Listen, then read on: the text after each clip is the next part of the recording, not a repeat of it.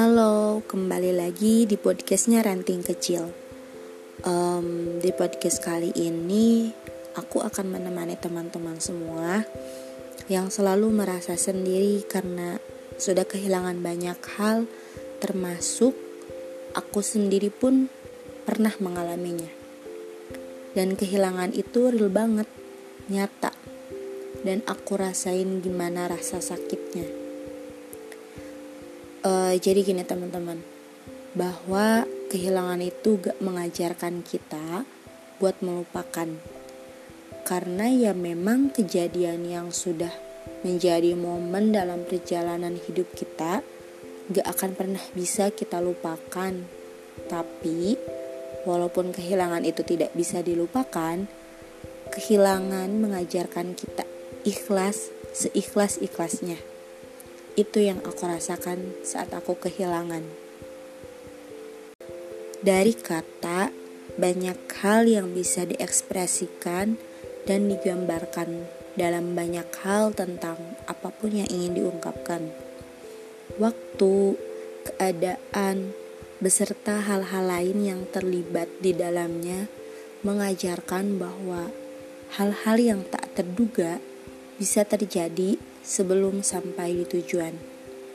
Iya, seperti kita. Kita yang pernah punya momen kebersamaan, baik suka maupun duka. Kita yang pernah memiliki harapan untuk sebuah tujuan yang sama. Kita yang pernah sama-sama berjuang untuk saling mempertahankan kita yang pernah bersama-sama itu akhirnya berpisah juga. Itulah roda waktu yang membuktikan bahwa memang setiap orang ada masanya untuk menjadi bagian dari proses perjalanan hidup kita.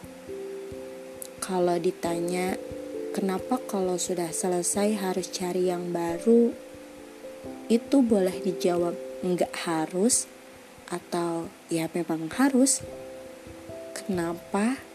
Ya, karena kalau diibaratkan orang itu adalah sebuah bunga, ketika dia masih menjadi putih, ia bisa menjadi bunga yang sangat indah, cantik, harum, dan menjadi paling mengagumkan bagi jutaan pasang mata yang memang mengaguminya.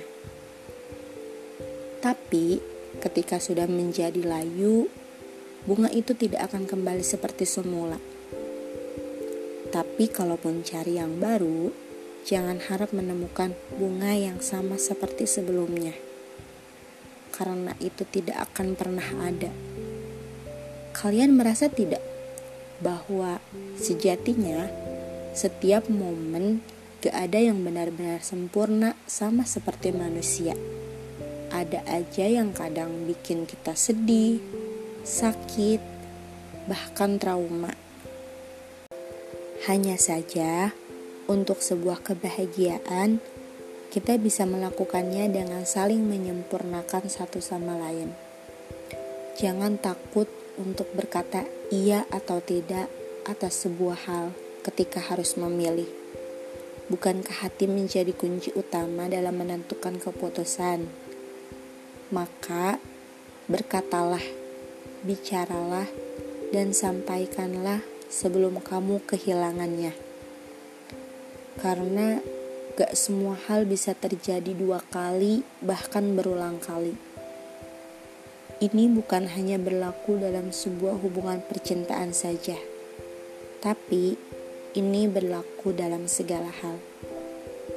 Iya, karena jika kita sudah kehilangan, terutama orang-orang yang dekat yang ada di sekeliling kita, yaitu keluarga, sahabat, teman.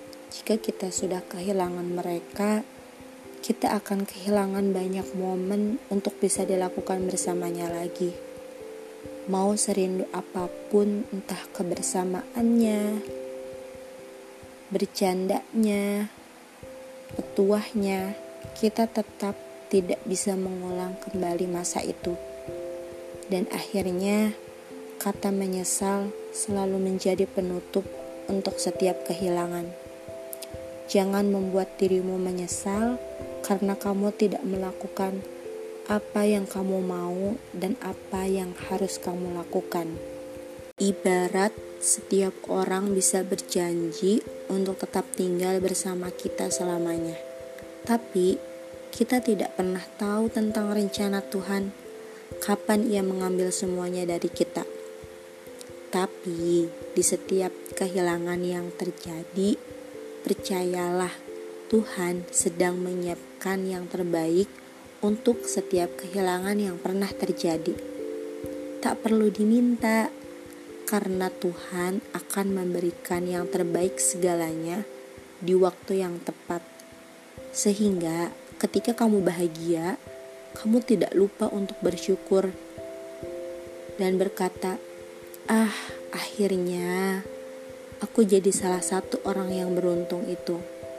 Karena duka, sakit, dan luka karena kehilangan sudah Tuhan ganti dengan tawa dan bahagia. Jadi, ingat, jangan sia-siakan orang yang kalian sayangi sebelum Tuhan, semesta, dan waktu mengambil semuanya untuk pergi dan hilang di hidup kalian.